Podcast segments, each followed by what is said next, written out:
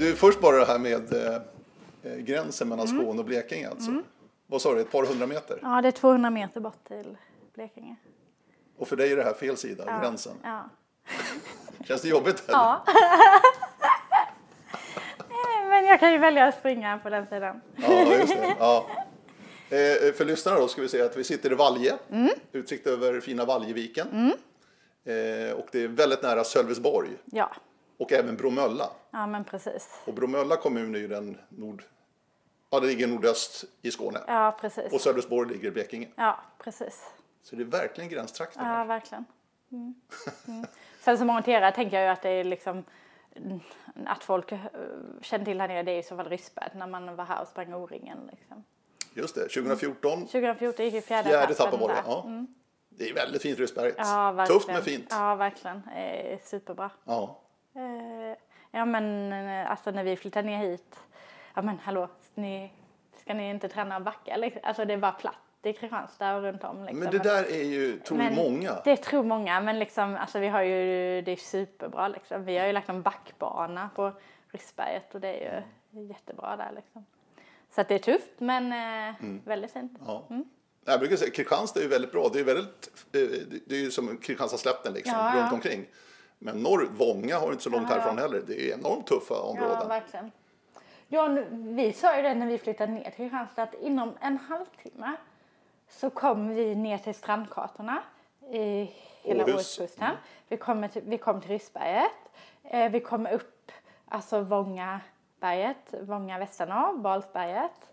Nu när vi flyttade hitåt så är det ju fortfarande inom en halvtimme till Åhus, eh, Vånga, liksom hela där, Vångaberget, eh, Ryssberget men också bort om man vill ha mer kustterräng, alltså bortåt alltså Karlshamns trakten. Så att det är faktiskt eh, bättre än vad man tror. Tänk på en annan sak förresten. Edenryd, det ligger inte så långt härifrån. Nej, det ligger väldigt nära här. Sanna härifrån. kommer från Edenryd. Ja, men precis. eh, Deras stjärna där. Ja, just det. Exakt. De sa alltid Bromölla, men hon är från Edenryd. Ja, men precis. Det är faktiskt där som eh, skola och förskola. Eh, I Edenryd? ja, Ah, närmast här. just det. För här i Valje finns inte så mycket Nej, här finns inte så service, mycket kvar. kommunservice. Nej. Har ni någon affär här i Valje? Nej, ingenting. En liten loppisbutik, Ja. men det, så mycket längre kommer vi inte. Och en pizzeria har de såklart fått, eh, Självklart. fått till, men inte någon annan service.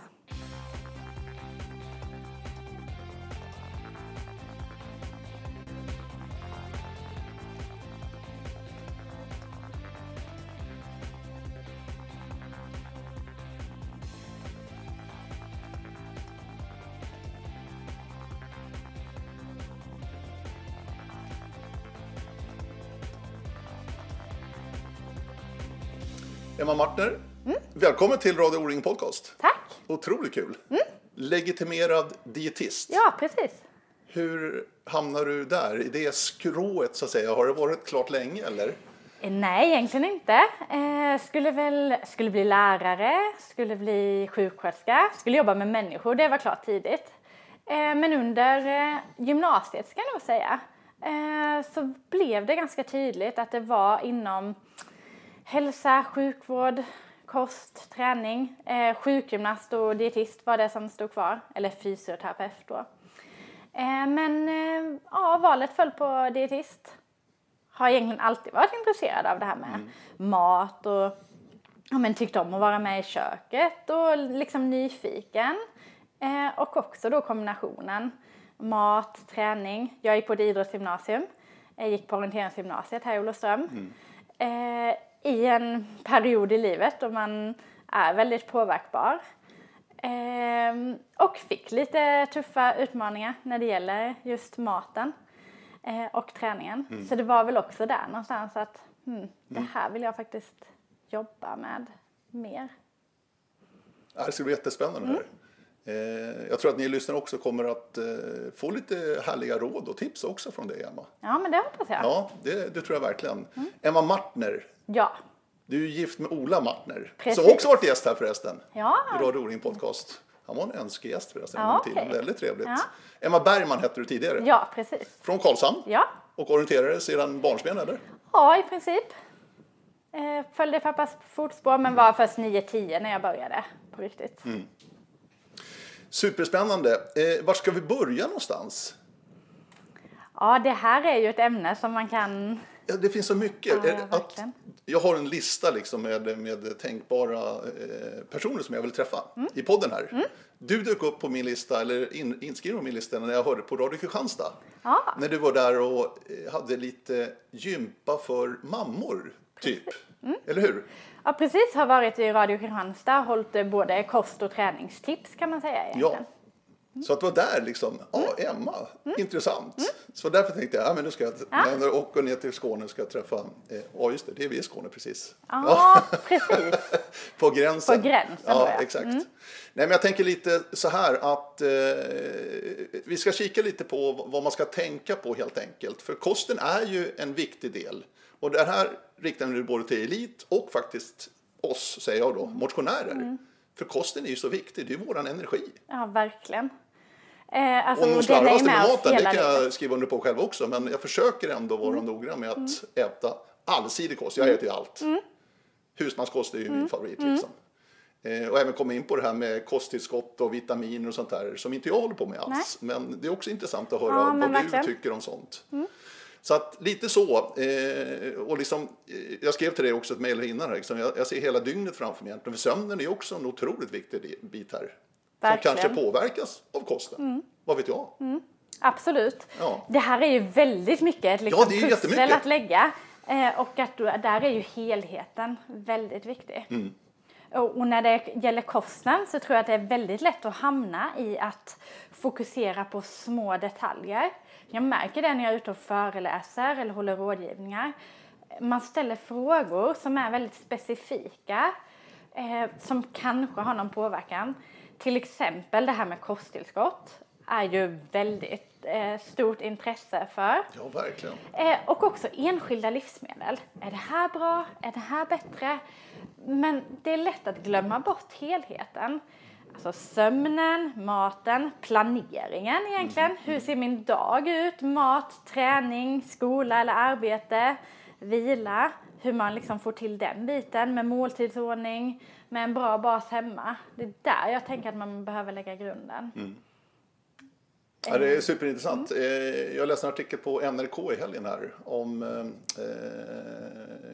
Andrew Matsgrave. Den brittiske längdskidåkaren. Ja, precis. Nu får du inte ta den där. Så, det där. Nej, men, du, du kan ta loss den där om du håller den i handen. Det går bra. Så. Eh, inför förra säsongen Ja, så bestämde han sig för att han skulle gå ner 6-7 kilo. För att bli lättare och bli starkare. Framförallt i den sista stigningen upp på Tour de Ski. Alpe Cermis, när de går upp de sista, det är ju en slalombacke upp liksom. ja precis. Om jag blir lättare i kroppen så kommer jag att bli snabbare i backen. Problemet var att det han gjorde var, han drog ner på näringen, han drog ner på maten. Och det här känner jag igen också. Från orienteringsvärlden också väldigt, väldigt mycket. Frida Karlsson var ett exempel förra vintern till exempel. där också, hon var ju för tunn helt enkelt. Och det här måste du också ha märkt av att det är inte bara att dra ner på maten. För det funkar ju inte. Vi måste ju ha den energi vi, vi ska ha per dag. Ja. Tyvärr eh, har jag sett det här väldigt mycket.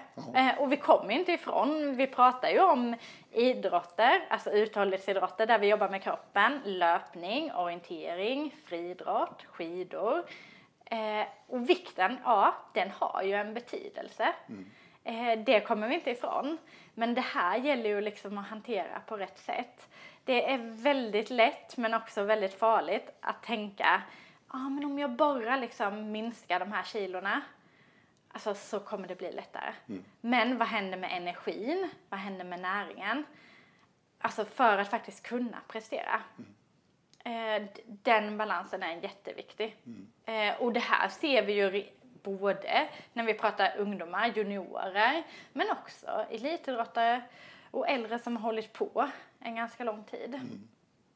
När det gäller Musgrave så hade han gått tillbaka nu. Nu har han gått tillbaka till det gamla konceptet och gått upp en 5-6 kilo igen.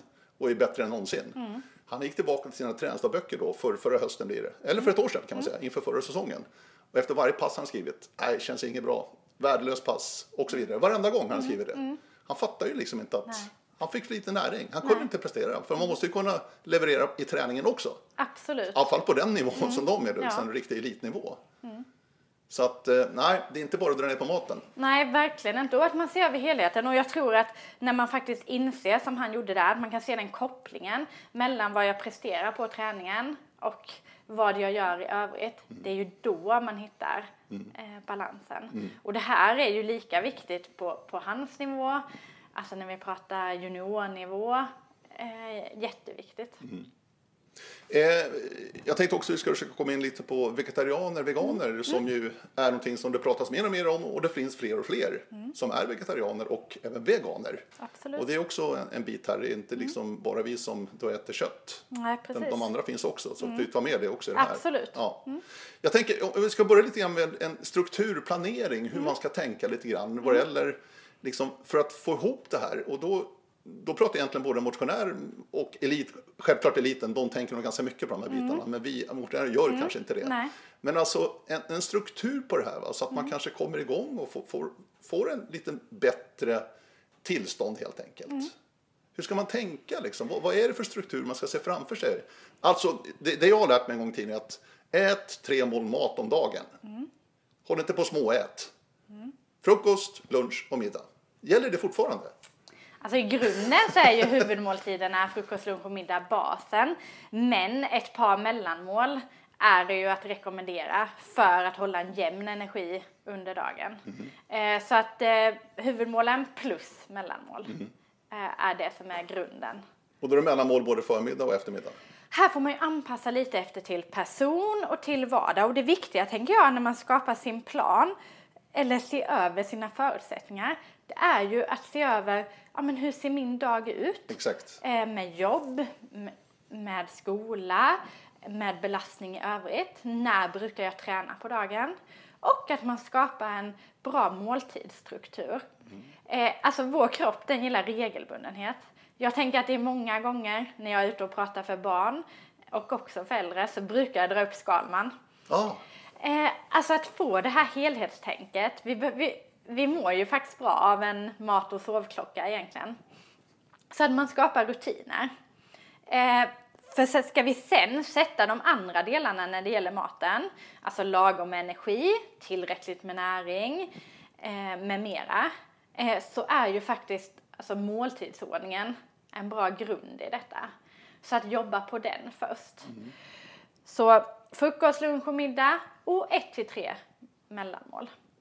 Eh, när man tränar på elitnivå kan man ju behöva något ytterligare återhämtningsmål däremellan. Eh, men för tajmingen, alltså när vi äter i förhållande till träning, det är ju faktiskt ett nyckelbegrepp när vi pratar mat vid träning helt enkelt. Och där tror jag vi har mycket att vinna, både som liksom idrottare på högre nivå, men också som motionär. Alltså att måltidsordningen, att man äter regelbundet över dagen. Eh, Jag har också jobbat ett par år som dietist i primärvården eh, och jobbat mycket med livsstilsrelaterade besvär, alltså mycket övervikt, eh, höga blodfetter, högt blodtryck, diabetes. Eh, och det som ofta, som jag kan se gemensamt, det är ju faktiskt att man behöver skapa en bra struktur. Eh, för sprider vi ut maten bra fördelat över dagen så är det också lättare att äta lagom vid måltiderna och bättre mat. Så att jag tror att hitta en struktur för när man äter är grunden. men de här åkommorna du nämner nu. Vad sa du, blod... eh, Höga blodfetter, högt blodtryck, Tryck, exakt. diabetes, eh, övervikt, fetma. Det är ju en del i de här livsstilsrelaterade besvären Är det mångt idag. och mycket också kostrelaterat skulle du säga? Ja, men visst är det det. Kost och motion. Ja, motion, ja. Det är ju en kombination. Att röra på sig, ja. Absolut. Men kosten är också en viktig bit här. Ja, men absolut. Ja. Och det, har, det, har, alltså det, det är ju inget nytt. Alltså vi, vi ser ju liksom exempel från USA, England också, Storbritannien. Där många, väldigt många är överviktiga. Mm. Ja, Beroende på väldigt dålig kost. ja, Och lite rörlighet. ja, men precis. Och det har med fettet att göra väldigt mycket.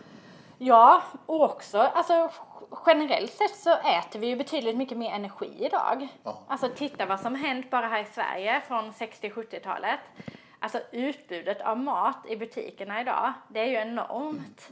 Eh, och framförallt har ju liksom utbudet av energität mat, alltså mat med mycket socker och mat med mycket fett, det har ju blivit väldigt lättillgängligt. Mm.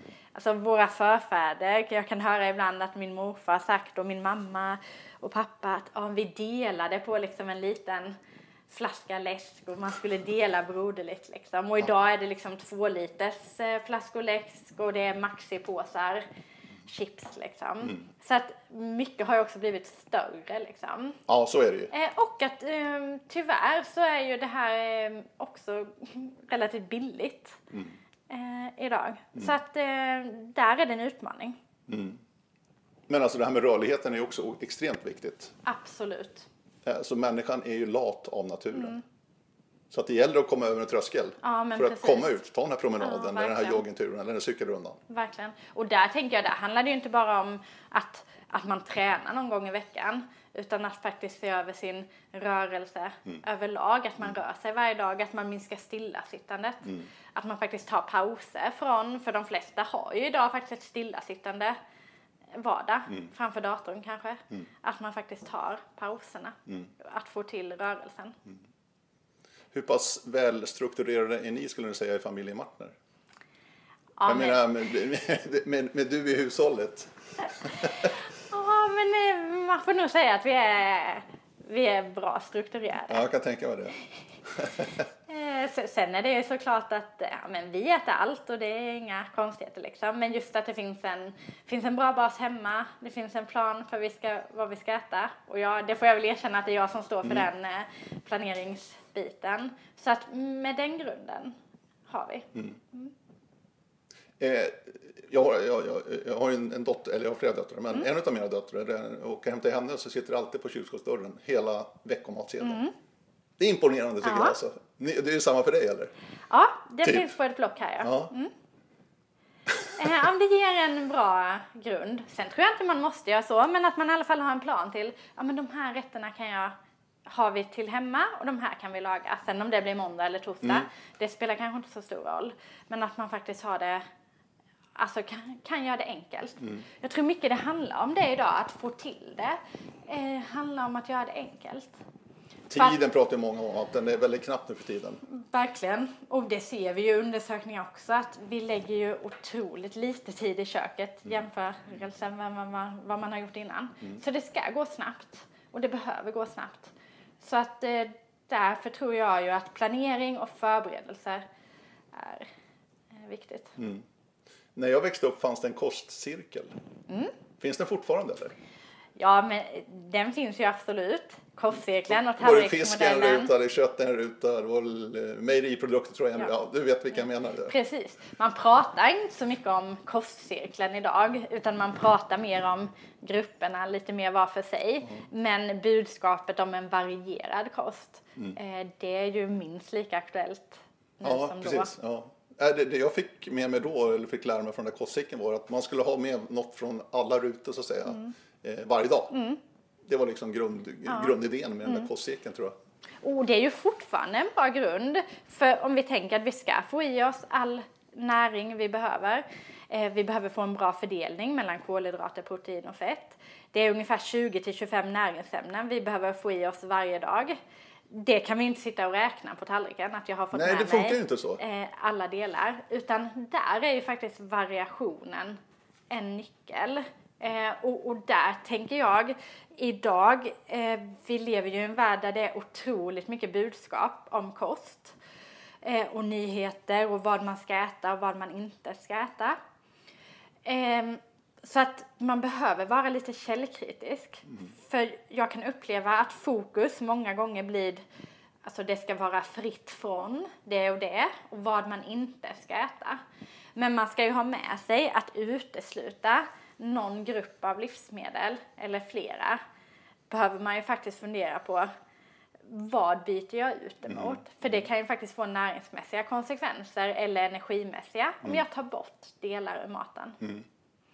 Eh, så där kan jag tycka att budskapet idag eh, blir lite skevt. Mm. Eh, tyvärr pratas det för mycket om vad maten ska vara fri från istället för, den, för vad den faktiskt ska vara full av. Just det. Intressant. Mm. en sak som jag är väldigt dålig på själv när jag lagar mat. Jag gillar, älskar att laga mat. Men det är balj och bön, baljväxter och bönor och sånt där. Jag är otroligt dålig på att få med i min matlagning. Jag vet inte, det har nog med min bakgrund att göra. Liksom, att morsan använder heller aldrig det. Nej, och där har det väl blivit Och det är så en... viktigt säger alla. Och där har det väl blivit en omställning, tänker jag.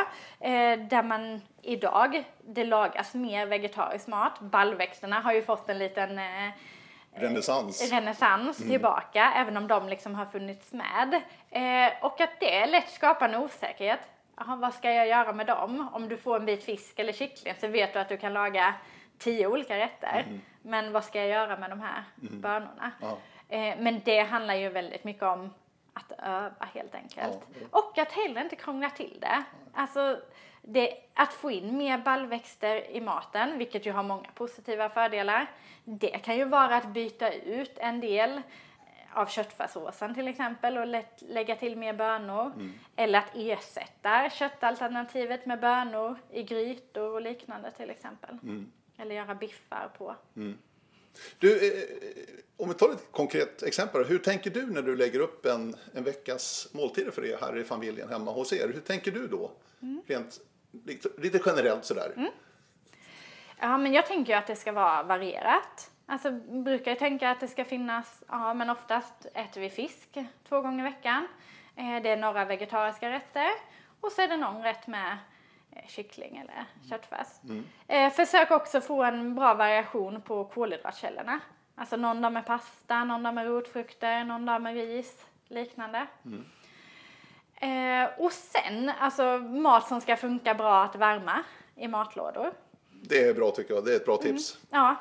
Eh, och också, eh, alltså jag gillar att laga mat, men eh, det är också mycket annat som ska in i en vardag. Eh, så grundprincipen är att matlagningen inte ska ta längre än 30 minuter. Oj, det är bra. Eh, laga en del mat i ugnen för att också liksom få mer tid över. Sköta Så sig att- själv mat Ja, liksom. men precis. Det kan ju ta lite längre tid än 30 minuter, men då gör ju ugnen jobbet så att säga. Eh, så att de delarna, alltså variationen när det gäller både kolhydrater och protein, eh, bra mat att värma, eh, att det ska gå snabbt. Ja, där utgår vi ifrån. Är, är, vi, är vi rätt årstidsbundna här i Sverige? Jag tänker framförallt på sallad och sådana här saker som man vet på sommaren. På vintern, är, är det lika lätt fortfarande att få tag på allt sånt där även på vintern? Och det här tycker jag är ett väldigt intressant del. Eh, och där tror jag att många kan bli väldigt mycket bättre. För här i Sverige så har vi ju, det är väldigt mycket som produceras här i Sverige året om. Nu kommer ju alla kolsorter, rotfrukterna här. Eh, medan på sommaren, ja men då är tomat, gurka, sallad som bäst. Eh, men jag tror att det är lite lätt att hamna i isbergssallad, Ja. gurka, tomatsalladen Lite tråkigt tycker jag. året om. Eh, och det är ju väldigt tråkigt tycker jag. Eh, och inte heller det bästa valet näringsmässigt. Så att, eh, att välja säsongsanpassat ger ju både mer näring, mer smak men också faktiskt billigare pris. Eh, för att när de är som bäst så kostar de ju också mindre. Jag älskar vitkål till exempel. Eh, och där tänker jag vitkål, rödkål.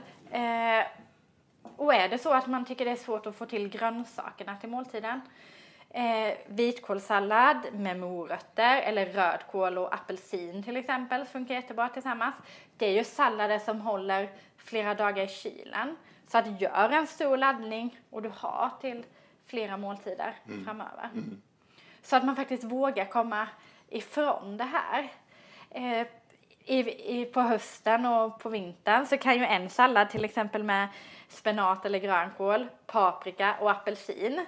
Ja, det är fortfarande bara tre grejer. Men det är ju variation och mer näring och smak jämfört med isbergssallad, gurka och tomat till exempel vid samma årstid. Ja, det är häftigt. Du, en sak jag tänkte på är frukosten. Där är man ju väldigt traditionell känner jag själv i alla fall. Jag vill gärna ha en gröthalvor till morgonen. Eh, Det är säkert inget fel med det. Nej. Men det känns ju ganska fattigt. Jag, jag kör ju liksom bara gröt och en liten knäckebrödmacka utan smör med kaviar. Då är jag otroligt nöjd. Ja. ja, det är intressant. Serverar vi liksom eh, spagetti och köttfärssås eller någon annan rätt sju dagar i rad så börjar någon ganska många blir Exakt. rätt trötta. Ja, ja. Men frukosten, Ja, där är vi otroliga vanemänniskor. Eh, Det kan vara samma frukost dag in och dag ut och det kan ju handla om flera år. Ja, ja, ja. Eh, och det behöver ju som sagt inte vara något fel i det. Men att faktiskt se över att man har en bra Mm. frukost. Men vad tänker du när det gäller frukost? Vad är viktigt för dig? Eh, jag älskar frukost. Eh, och, och där tänker jag att man får hitta sitt sätt. Men att frukost är ju en viktig måltid. Att faktiskt lägga grunden för dagen. Eh, så att jag varierar lite. Men grunden kan man säga är havregryn. Eh, någon form av mjölkprodukt. Eh, gärna ägg och så frukt eller bär. Så det brukar bli havregrynsgröt. Eh, yoghurt och müsli med frukt och bär. Eh, smörgås med lite blandade pålägg. Gärna äggmacka är en av favoriterna. Så, så att man varierar på dem. Men i grunden att man tänker någon bra kolhydratkälla, till exempel havregryn, grovt bröd, müsli, eh, flingor, knäckebröd. Eh, att man har gärna någon mjölkprodukt eller vegetabilisk alternativ. Mjölk, yoghurt, havredryck, liknande. Någon bra proteinkälla, alltså i form av pålägg, ägg eller liknande. Och sen frukt, bär, grönsaker. Många säger att frukosten är kanske det viktigaste målet vi har på dagen. Stämmer det? Nej, om man, det har man ju pratat väldigt mycket Ja. om och det har jag ju fått höra sedan jag var liten. Egentligen finns det väl in- ingen forskning som säger att frukost är den viktigaste måltiden. Men däremot så ser vi ju, kan vi se kopplingar mellan frukostätande och studieresultat till exempel. Eh, frukostätande och att man faktiskt äter bättre över dagen. Så att ja, det är ju en bra grund.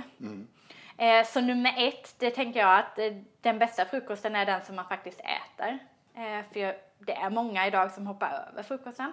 Ja, verkligen. Eh, och sen att våga äta tillräckligt till frukost. Eh, I frukosten ska gärna ge 20-25% av det dagliga energiintaget. Och det är ganska mycket. Ja, det är det. Eh, och då räcker det inte med en portion gröt med bara lite mjölk på utan man behöver fylla ut med lite mer. Men eh, vad det gäller måltiden överhuvudtaget så är mängden kan också vara ett problem. Hur mycket du har på tallriken. För att ju mer du stoppar i dig, ju mer energi får du i dig också. Om du äter bra mat liksom. Det där måste man också anpassa lite grann va, till hur mycket man rör på sig till exempel. Ja men precis. Det hör väl ihop? Ja, men det hör ju absolut ihop med portionsstorleken. Men sen är det ju också så att de olika delarna på tallriken eh, ger ju också olika mycket energi. Eh, så att det här kan ju faktiskt också ge lite problematik. Eh, alltså grönsaker. Vi behöver en viss volym för att en måltid, för att vi ska bli mätta. Eh, så att behöver man lite mindre energi så är det ju bra att fylla upp med kanske halva tallriken grönsaker och sen pastan eller riset och proteinkällan. Eh, men tränar man väldigt mycket behöver man ju ha den största delen från kolhydraterna, alltså pasta, ris och sen proteinkällan och sen en del grönsaker. Eh, för att också där, vi ser att, jag ser när jag jobbar med idrottare idag, eh, där det är för många utmaningar att få i sig tillräckligt med energi. Det är så. Ja, eh, framför allt unga, både tjejer och killar. Eh, men framför allt tjejer. Men att man ser att eh, man lyssnar väldigt mycket på de generella allmänna kostråden. De som vi ger för att förebygga det här vi pratade om innan. Övervikt, fetma, diabetes, högt blodtryck. Och där pratar vi mycket om mycket grönsaker, att välja energilåga alternativ, mycket fullkorn och fiber. Och ja, det är ju saker du behöver som idrottande också, men i mindre mängd. För det kan ju faktiskt bli för nyttigt. En del idrottare kan ju tycka att ja, men de äter stora portioner. Men då behöver vi ju se över vad är det på tallriken? Är det mest sallad på tallriken? så ger ju inte det något bränsle för träningen. Alltså salladen och grönsakerna äter vi ju för näringen, alltså för vitamin och mineraler och inte för energin. Eh, så att där tänker jag det är viktigt att anpassa tallriken efter person. Ja. Så för en motionär eller lite mer stillasittande person, en större andel grönsaker på tallriken. Och för en hårt tränande person, grönsakerna ska vara med, men de får ta mindre plats. och de andra delarna större. Alltså, eh, eh, tycker jag maten är god så backar jag gärna. Mm. Nej men det är gott med god mat liksom. Ja, absolut. Det är fantastiskt gott Mm. alltså. Men ibland så känner man, nej jag borde nog inte äta mer alltså. Men Mat är så mycket mer än bara näring. Ja, verkligen. Det är ju så mycket tradition, kultur, uppväxt. Det är ju ofta mycket vi tar med oss från vår barndom till exempel. Vårt samhälle påverkar vad vi äter, normer. Så att det här är ju väldigt komplext. Alltså det ska ju också vara något njutningsfullt. Ja det ska ju se bra ut också helst. Verkligen, Man och vi, äter med ä- ögat vi också. äter ju med ögonen, Ja. absolut. Så att det är väldigt komplext, så det behöver man ju också vara medveten om. Det är ju också något väldigt socialt att äta. Eh, om man äter med andra eller blir bjuden på mat så är det ju en artighetsgrej ofta att ta med, för det är ju ett sätt att visa Exakt. att maten är god. Eh, vilket ju kan liksom bli lite problematiskt i vissa fall. Ja. Du, eh, jag tänker på eh, elitidrottarna. Du jobbar ju lite grann med Norska orienteringsförbundet. Ja, precis. Äter de med ögonen på samma sätt eller ser de bara, när de ser en mattallrik, ser de bara energi? Nej, jag tror att vi alla äter med, med ögonen. Jag överdriver lite grann. Ja. Eh, jag tror att det är väldigt olika mellan olika individer. Eh, en del ser maten som liksom nödvändigt ont. Ja, jag måste få i mig det här bränslet. Eh, och kanske inte har så mycket intresse i det här med mat och matlagning. Medan en del lägger större vikt i det och liksom letar efter information själva. Det ser jag ju både när jag jobbar där mot norska landslaget men jobbar också mot många löpare på hög nivå, halvmaraton och maraton här i Sverige. Vad, vad gör du med det norska eh, landslaget? Vad hjälper de med så att säga? Eh, tanken var ju egentligen att vara med ute på eh, vissa samlingar och eh, mästerskapen och faktiskt säkerställa maten och faktiskt laga maten på plats. Så planera maten och laga maten. Eh, nu har ju 2020 inte varit ett år som alla andra. Eh, så att den delen jag också gör, som jag framförallt har gjort i år, det är ju eh, kostsamtal som jag då har gjort digitalt. Eh, där vi har jobbat stort, både med lite föreläsningar, alltså informera. Det här är ju inget med kost, det är inget man kan prata om en gång och sen tror att nu kan vi checka av det här Nej, idrottarna. Utan det är verkligen en färskvara. Eh, så att jag jobbar både mot gruppen och sen individuella eh, kostsamtal där vi då ser över Täcker man sitt energibehov? Äter man tillräckligt? Eh, hur ser tajmingen ut över dagen? Får man i sig eh, vissa näringsämnen? Kan du känna att de är nyfikna och intresserade av det här ämnet? Ja, men absolut. Eh, och det tror jag generellt inom idrotten har hänt ganska mycket de senaste tio åren. Alltså det är större intresse och nyfikenhet idag. Och att man faktiskt ser betydelsen på ett annat sätt. Eh, för vi ser ju också att ja, men maten har ju kopplingar till om man ofta drar på sig infektioner och förkylningar. Eh, vi ser ju kopplingar till skador, framförallt överbelastningsskador.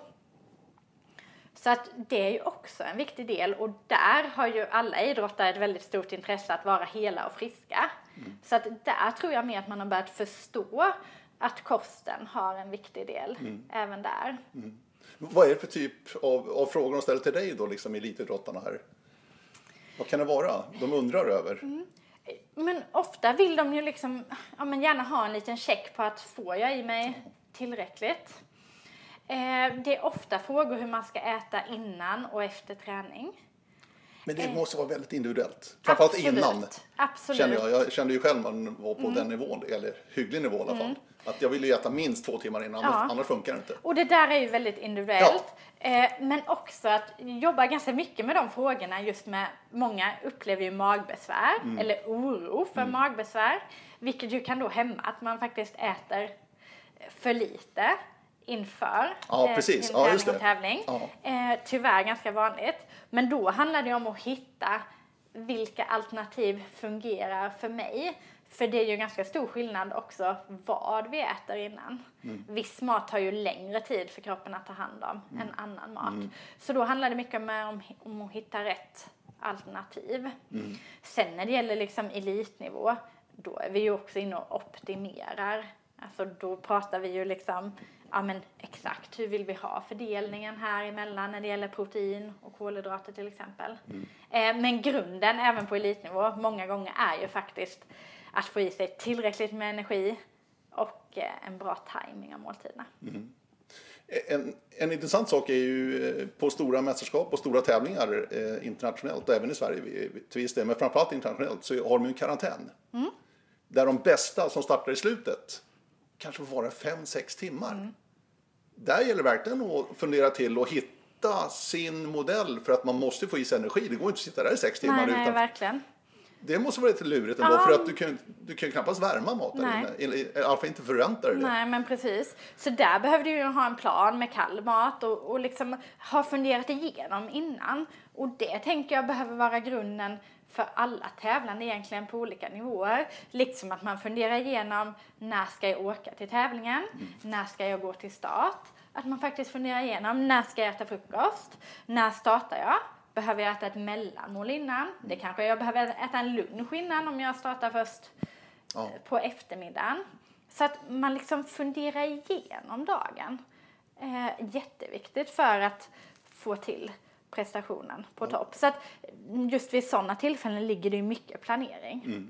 Nu när jag jobbar på den nivån, till exempel med norska landslaget, så har vi börjat prata om den nya distansen knockout-sprint, då det ska tävlas flera gånger på samma dag. Det ställer ju också en otrolig utmaning och eh, krav på liksom mat och energi emellan. Men att du samtidigt då inte vill ha liksom besvär Nej. av magen under tiden. Så det gäller ju också att tajma det rätt. Funkar det med en banan eller? Alltså banan är ju en väldigt bra grund. Jag vet eh, att men ni säger många det. gånger räcker det ju inte. Eh, Så det är ju det att man behöver ju lägga till. Vad är det som är så bra med bananen? Ja men bananen den är lättsmält för magen. Vi kan liksom snabbt ta hand om den. Eh, den innehåller ju bra med kolhydrater. Eh, dubbelt så mycket kolhydrater som andra frukter. Ja, om vi jämför alltså. med äppel och Oj, clementin och det är så stor skillnad. Ja. Även apelsiner? Ja, apelsin innehåller ju lite mer men, än de andra, men generellt Ja. eh, bananer ligger fortfarande klart högre. Så att, eh, ja men det är ju det. Och sen är det ju formatet. Ja. Alltså den är ju liksom förpackad Ja. med skal. Eh, så väldigt smidig att ta med sig. Inte ens en människa hade kunnat komma på den geniala förpackningen nej tror jag. den är faktiskt fantastisk. Så att det är ju en jättebra grund. Men att man ofta behöver lägga till något till. Mm. Och det här handlar ju både när vi pratar tävling men också träning. Det här med mellanmål före och efter. Mm. När vi ändå är inne på det, kan bara flika in den här då, vad man ska dricka. Mm. Eh, jag fick ju lära mig rätt tidigt att sportdryck ska du inte dricka, det är bara socker. Mm. Stämmer det fortfarande? Alltså, vad, vad dricker man? Eh, Vatten funkar eller får de någon mer Mm. dricka så, så, som ger energi? Alltså vatten är ju grunddrycken eh, som oss, vi, för oss alla som vi mår bra av. Eh, men när vi pratar träning och tävling på hög nivå, när det handlar om dryck för att optimera prestationen. Vi vet att kolhydratlagret, det är begränsande under högintensiv träning och tävling. Så därför är ju sportdryck något som verkligen är, är värt att fundera över och använda vid tävlingar och, och mästerskap och liknande. För att faktiskt få energi under. Och det handlar ju egentligen om att ha en tillräckligt hög blodsockernivå för att kunna hålla uppe koncentrationen. Eh, vi som håller på med orientering vet ju vad som händer om vi blir lite trötta och okoncentrerade. Ja, det går inget bra då? Nej, det går ju ingen bra. Eh, så att där har ju det absolut en plats. Men det är ju när vi pratar alltså, tävling och träning på liksom högre nivå Ja, och de. Mm. högintensiva passen. Jag tänkte, du pratade om knockout-sprinten där Emma. Är det sånt läge när man kanske ska dricka lite sportdryck Mm. Ja, men absolut. Eh, och jag tänker på en flerdagars-tävling som O-ringen till exempel. Eh, att man faktiskt, eh, det brukar ofta vara rätt varmt eh, de veckorna. Ska man då få i sig vätska och energi för att kunna tävla igen så är ju sportdryck faktiskt ett alternativ att använda för att hjälpa till och främja återhämtningen till nästa dag. Ja, just det, nästa dag ja. Men hur snabbt kan man ta till sig den energi man häller i sig via en sportdryck? Hur snabbt går det liksom? Ja, den får du ju väldigt snabb Ja, du får det alltså? av. Ja. Eh, alltså där pratar vi 10-15 minuter. Eh, så att den får du ju användning av under loppet. Liksom. Eh, Så där är ju grunden när vi pratar vätska under tiden, att vi faktiskt börjar dricka i tid. Eh, generellt så tänker jag att vi orienterare är inte de bästa på att dricka tillräckligt. Du säger det alltså? Ja, men jag tror det. Är man på en plan så är det mer naturligt. De har liksom en flaska vid kanten. Eh, du har ju sällan en flaska med dig ute i skogen. På tävlingar så är du ju Kanske du har lagt i händerna på arrangörerna att det ska finnas liksom vätska ute i skogen. Men om du ser över hur mycket det blir på ett, en orienteringstävling på 60 minuter så är det en väldigt liten mängd vätska.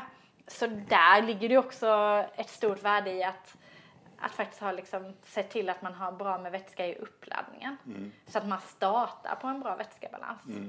Eh, för vätskebrist är ju faktiskt det som snabbast påverkar och försämrar vår prestation. Det får ju en tidigare effekt än att vi går tomma liksom, på energi. Den här energigällen som finns i de här små förpackningarna man trycker in liksom bara i munnen. Eh, jag har inte varit den jag har inte behövt, men jag har provat en gång. Jag tyckte det var vedervärdigt. Eh, Det var så otroligt starkt tyckte jag. Alltså. Och, det är ju Ja, koncentrerad det var energi. jag. Alltså. Eh, och de smaksätts ju också. Eh, så att det viktiga när man använder gel och energi, både när det gäller gel och sportdryck, alltså någon form av energitillskott, det är faktiskt att man har testat det innan. Att du inte ställer dig på SM och Nej. tänker att liksom, ja men nu ska jag testa den här. Utan det behöver du faktiskt ha gjort på träning. Eh, idag ser vi också att det är fler fabrikanter, bland annat flera svenska, som faktiskt kommer med lite mildare och neutrala varianter.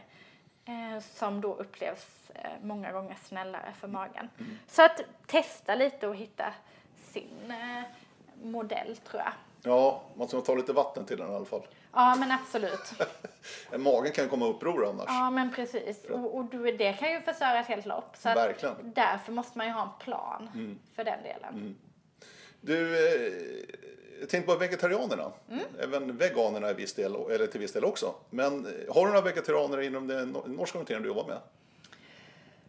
Eh, nej, det har jag inte Nej, men det spelar ingen direkt. roll. Det spelar ingen roll. Jag tänkte så här, när jag växte upp, jag är ju något äldre än vad du är, Mm. så hänvisade vegetarianer till salladsbuffén. Mm. Det var dit de fick gå. Det är lite annorlunda nu för tiden. Ja men verkligen. Det har hänt ganska mycket. Jättemycket. Eh, och, och det är ju också liksom fler och fler som väljer att äta mer vegetariskt. Det har hänt mycket mer med utbudet. Men det har också hänt mycket mer med kunskapen. Sen där ligger vi i Sverige ganska långt fram. Gör det? Ja, eh, det upplever jag. Eh, jag har ju tidigare jobbat som tränare på orienteringsgymnasiet. Eh, vi hade ett gäng vegetarianer när vi var nere på träningsläger i Sydeuropa på vintern för några år sedan. Eh, då fick de lite med dietisten att göra kan man säga i köket på det här hotellet. Jaha. Eh, för där var det också så att eh, vegetarianerna, ja men de fick ju pasta och sallad. Det räckte väl? Ja, exakt. Ehm, det var ris. Ehm, majonnäs fick de till, för det borde väl täcka upp för det andra. Så att där fanns inte kunskapen, Nej. helt enkelt. Utan, men idag, och här i Sverige, så har vi ju bra kunskap och en bra bas för att äta mer vegetariskt. Eh, det viktiga är ju att man tänker, liksom, vad lägger jag till? Så att man får med sig alla delarna. Eh, en del är ju rädda för att man inte ska få i sig tillräckligt med protein om man äter vegetariskt Jag har hört många gånger.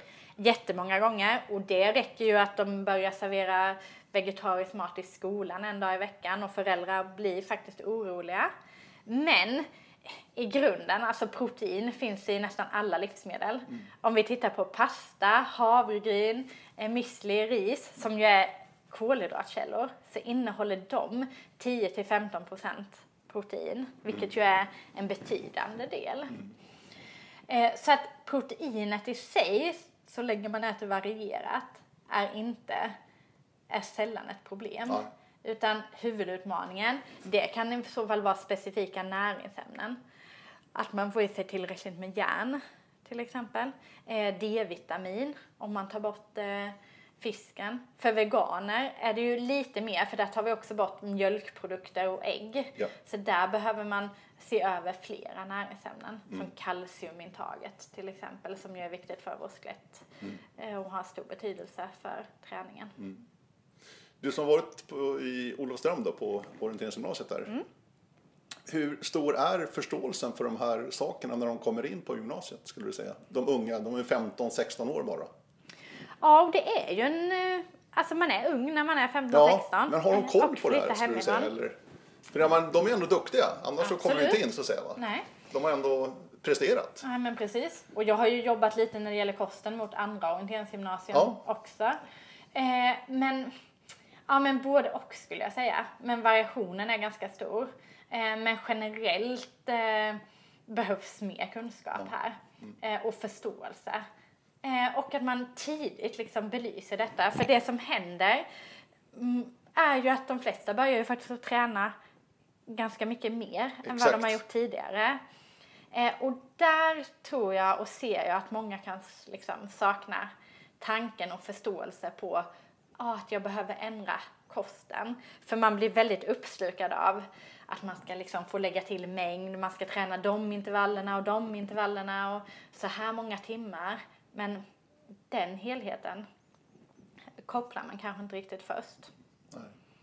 Där kan det också vara ett eh, ganska stort problem skulle jag vilja säga. Jag, när jag gick i Sandviken så hade den lyxen att kunna äta middag varje dag på elevhemmet. Vilket var fantastiskt. Men så är det inte överallt kan jag säga. Utan när de kommer 15-16 år och de ska börja laga mat själva på kvällarna. Det är inte lätt. Nej, verkligen inte. Eh, så, så att där har ju liksom har ju individen ett ansvar, men ju också hela skolan och Verkligen, gymnasiet, att man faktiskt ser till att det här funkar. I Olofström har vi ju till exempel kört med matlagningskurser där jag har varit då där och lagat mat med dem. Både för att de ska få en liten start med lite olika recept att använda, men också lite hur man ska få ihop enkla måltider. Kan de laga flera tillsammans? gör man ju på vissa skolor eller liknande. Men nej, det är en viktig punkt att se över. Så den tycker jag verkligen är värd att belysa. Eh, och att man som alla tränare, att ja, hur funkar träningen? Bör ju faktiskt följa av hur funkar mat och sömn? Gör det det tror du? Nej, det tror jag inte alla gånger. Jag Det- tror att man blir bättre på det. Eh, men att det finns fortfarande mycket att göra.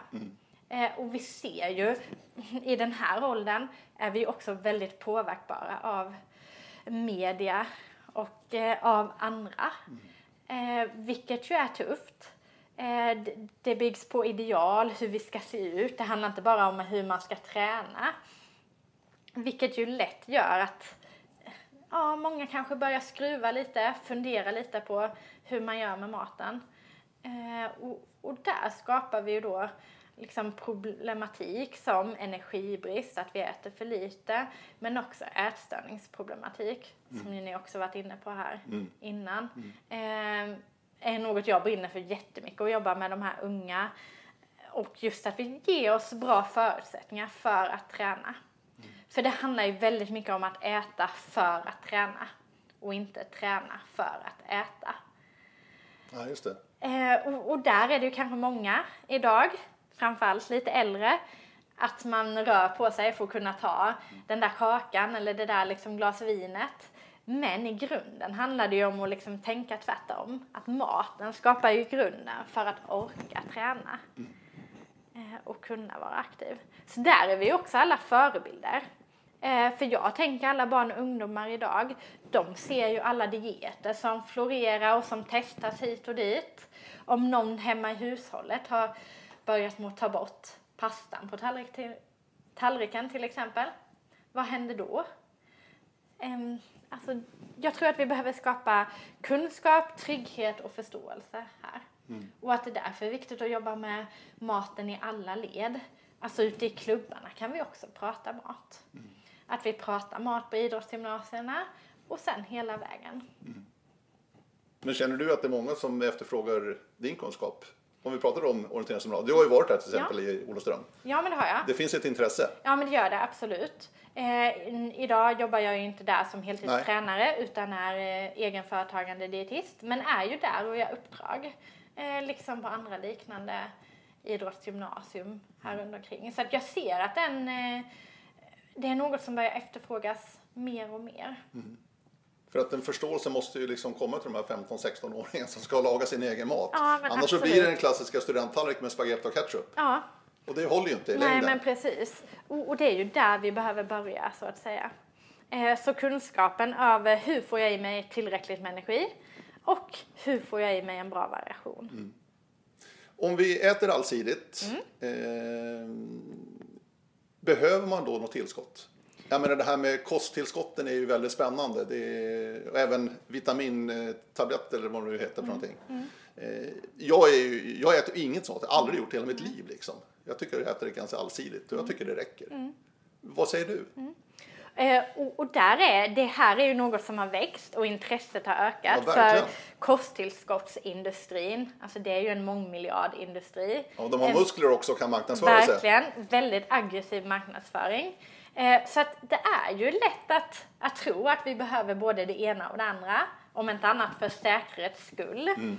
Eh, men alltså, i grunden gäller ju fortfarande att alltså, bra mat, variation i tillräcklig mängd, ja, då får vi oss det vi behöver.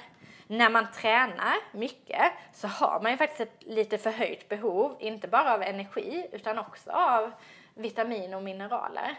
Men det här täcker vi ju genom att vi då äter mer mat för att vi kräver mer energi. Så att eh, i grunden behövs inga tillskott om man äter varierat. Eh, det vi kan se är ju att om man äter för lite energi så är det lätt att det blir brist av vissa ämnen. Järn till exempel, vanligt att det blir för lite av det. Det är framförallt kvinnor, kvinnorna va? Ja men precis, Eller det är ju också så. Både män och kvinnor. Både män och kvinnor kan det ju vara, men framförallt eh, kvinnor har ju ett högre järnbehov på grund av sin menstruationscykel. Eh, så det är ju något att se över. När man tar bort något i kosten, till exempel då om man äter mer vegetariskt och tar bort animaliska livsmedel, att man då ser över vad man behöver. Äter man en vegankost, då behöver man vissa tillskott för att säkerställa. En vegetarian kan behöva det, men det beror på hur kosten ser ut. Eh, så att i grunden, och det finns heller ingen anledning att äta kosttillskott i förebyggande syfte, utan det är ju först när vi har brist på dem som kroppen verkligen har effekt av dem. Att vi tar järntillskott när vi har järnbrist till exempel. Eh, något vit- vitamin som det har pratats mer om de senaste åren och framförallt nu under vinterhalvåret, det är ju. D-vitamin. När solen som är borta. solen eh, är borta. Ja. Eh, det är ju däremot ett vitamin som många faktiskt kan behöva ett tillskott vintertid. Då det är svårt att få i sig de mängderna via kosten om man inte äter eh, större mängder fisk, framförallt fet fisk som lax, sill och makrill och en större mängd mejeriprodukter för de berikas ju idag. Så det är väl undantaget kan man säga egentligen. Eh, men i grunden annars så räcker ju vanlig mat. Eh, sen ska man ju komma ihåg att ja, vad är tillskott egentligen? Ja, vad är det för någonting? Ja, och det, dels har vi ju vitamin och mineraler. Eh, sen de här energitillskotten vi var inne på innan, sportdryck, gel, det är ju också en form av kosttillskott. Eh, och de har ju ett syfte i liksom tränings och tävlingssituation eh, vid hög mängd då. Så att de finns ju anledning att använda då. Eh, vitamin och mineraler, det var ju det vi var inne på nu. Eh, där vi ju egentligen har grunden från maten, så länge man äter varierat. Eh, sen den tredje delen av kosttillskott, det är ju prestationshöjande tillskott. Eh, och här finns det ju väldigt många olika ämnen som marknadsförs just för att vara prestationshöjande. Men det är väldigt få ämnen som det faktiskt finns eh, bevis och evidens bakom. Ett ämne som man har ju tagit upp mer på senare år som ju faktiskt kan ha en effekt på uthållighetsidrotter det är ju nitrat till exempel som finns i rödbeta och rödbetsjuice. Koffein är ju också ett prestationshöjande ämne som tas som tillskott. Eh, men sen finns det ju många fler andra ämnen som marknadsförs för att vara prestationshöjande. Men det man ska komma ihåg är ju att alltså den här kosttillskottsindustrin, den är ju inte så kontrollerad. Det är svårt att ha ett bra system och struktur för detta. Så det gör ju också att det är framförallt de här i andra prestationshöjande tillskott eh, så kan det ju faktiskt också finnas dopingklassade ämnen Ja. för kroppen. Eh, och farliga ämnen. Så att man behöver ju vara medveten för vi vet ju att det är ju du som idrottare, du har ju det fulla ansvaret på vad du stoppar i dig. Så där finns det ju heller ingen anledning att ta dig onödan. Det finns ytterligare ett skäl tycker jag, om man nu äter allsidig kost. Det är också det är ganska dyrt. Absolut. Där kan vi väl ta ett exempel. Jag tänker på proteinprodukter. Det pratas ju väldigt mycket om protein idag. Ja, De här Eh, pulverburkarna. Ja, både proteinpulver, proteinshakes, Ja. proteinbas, Ja. eh, återhämtningsdrycker med protein. Ja, vi behöver protein i ett återhämtningsmål. Men det behöver vara bra sammansatt med kolhydrater. För, för kolhydrater är faktiskt det som det behöver vara störst andel av. Så där tycker jag mer att alltså, de är ju okej lösningar. Men det är dyra lösningar och många gånger rent onödiga. För du kan lika gärna få ihop ett bra återhämtningsmål med en banan och ett glas mjölk till exempel. Mm. Det finns ju de som ersätter en hel middag med en proteinshake istället. Men Det precis. låter ju helt galet. Ja, för det har ju många aspekter. Det är svårt att få samma mättnadskänsla. Du får inte i dig all näring. Eh, och det är ju liksom bara en vätska. Du får ju heller inte i dig liksom tillräckligt med energi i form av kolhydrater och fett. Så att eh, det är ju svårt att använda dem som ersättning för hela måltider. Du, en annan sak som är intressant att prata om det är ju socker. Mm. Eh, har några vänner i Tyskland som inte gillar att åka till Sverige beroende på att här finns bara sött bröd, tycker de. Och det stämmer ju väldigt mycket. Ja, men absolut. Alla de här limporna och grejerna, det är ju det är en del socker i de där. Ja, men precis. Jag tror våra Tyskland är- brödälskande vänner i väst också eh, föredrar sitt egna bröd än det svenska brödet. Visst är det så? Mm. Men Tyskland har en fantastisk brödkultur som vi tyvärr inte har här riktigt på samma sätt. Nej. Men sockret i, i stort så att säga, det är ju också någonting vi behöver självklart. Mm. Men vi äter för mycket socker. Ja, men så är det ju. För det finns i så otroligt mycket olika Mm. produkter man köper. Så finns det här sockret. Ja. Eh, och utmaningen och, och grunden handlar det ju inte om att behöva ta bort att inte kunna njuta av en kaka Nej, och då eller nej, lite nej. godis. Utan den stora utmaningen den ligger ju i de här valen vi gör varje dag. Alltså mejeriprodukter, bröd, müsli, flingor. Som ju i grunden kan vara jättebra och näringsrika alternativ. Men de kan också vara rena sockerfällor. Det är ju tyvärr många flingor och müslisorter ja, rent innehållsmässigt så är det ungefär som om vi skulle smula kakor på vår yoghurt. Så att här behöver man ju liksom se upp. Eh, och det krävs en medvetenhet att vara konsument idag för det finns så otroligt mycket att välja på. Eh, men i grunden välja liksom naturella produkter, eh, produkter med låg sockerhalt. Vi har ju Livsmedelsverkets märkning, nyckelhålsmärkning, som ju bland annat eh, reglerar sockerinnehållet i produkter för att de ska få den märkningen. Eh, men att man också kikar på förpackningen av bröd, eh, müsli till exempel. Vad står det egentligen?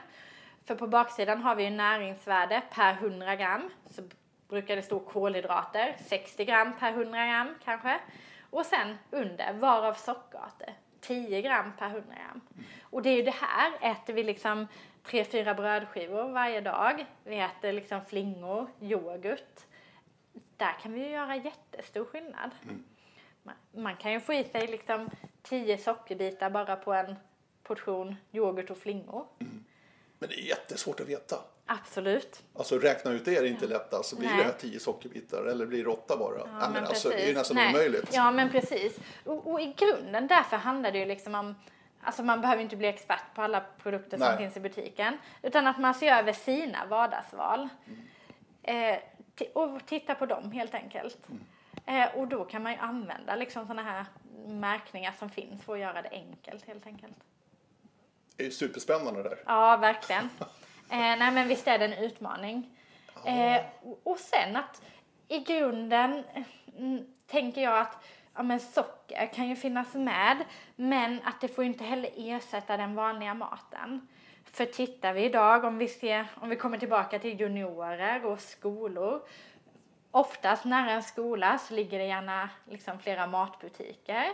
Enkelt att fixa liksom ett mellanmål eller återhämtning efter träningen eller lite ersättning för lunchen mm. om man har slarvat med skollunchen. Och vad är det då vi väljer? Alltså ofta blir det ju väldigt sockerrika alternativ och näringsfattiga alternativ. Mm. För att det är billigt och det är lättillgängligt och många tycker att de smakar gott. Mm.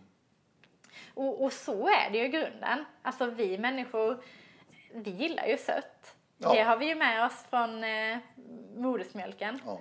Eh, så att är det någon smak vi liksom inte behöver träna på att äta så är det ju faktiskt just den söta smaken. Ja, det är spännande. Mm. Väldigt spännande. Eh, en timme har vi hållit på. Ja, herregud, det går fort. Tänk, tiden bara ja. rusar iväg. Du, eh, avslutningsvis. Ja. Vad kommer stå på middagsbordet här ikväll hos familjen Martner? Eh, ikväll så kommer det faktiskt stå eh, strömming. Oh. Eh, och eh, potatis. Och, eh, stekt strömming eller? Ja, stekt strömming. Gud vad gott. Precis, ja. från eh, ja, strömming eller sill, jag vet inte vad man kallar det, men den kommer i alla fall från Nordostatlanten, den är inte fiskad här ute. Ah, okay. Gränsen går ju Kalmarsund brukar man säga. Ja, men precis. Mellan sill och strömming. Ja, men precis. Eh, men så det blir det med potatis och lingon. Mm. Eh, vi är inte riktigt eniga där så det kommer också finnas eh, grovt bröd och eh, gravlaxsås. Och sen blir det broccoli och en eh, vitkåls och morotssallad. Mm. Lingon ska man ha kan jag säga. Mm. Ja, du, du får nog medhåll här av Ola om du kollar. Supertrevligt Emma. Ja, verkligen. Ja, eh, stort tack. Tack så mycket. För besöket här i Valje. Hoppas också ni har njutit av det här mycket spännande. Med Emma Martner alltså. Hör gärna av er. Radio snabel är adressen. Vi säger tack och hej.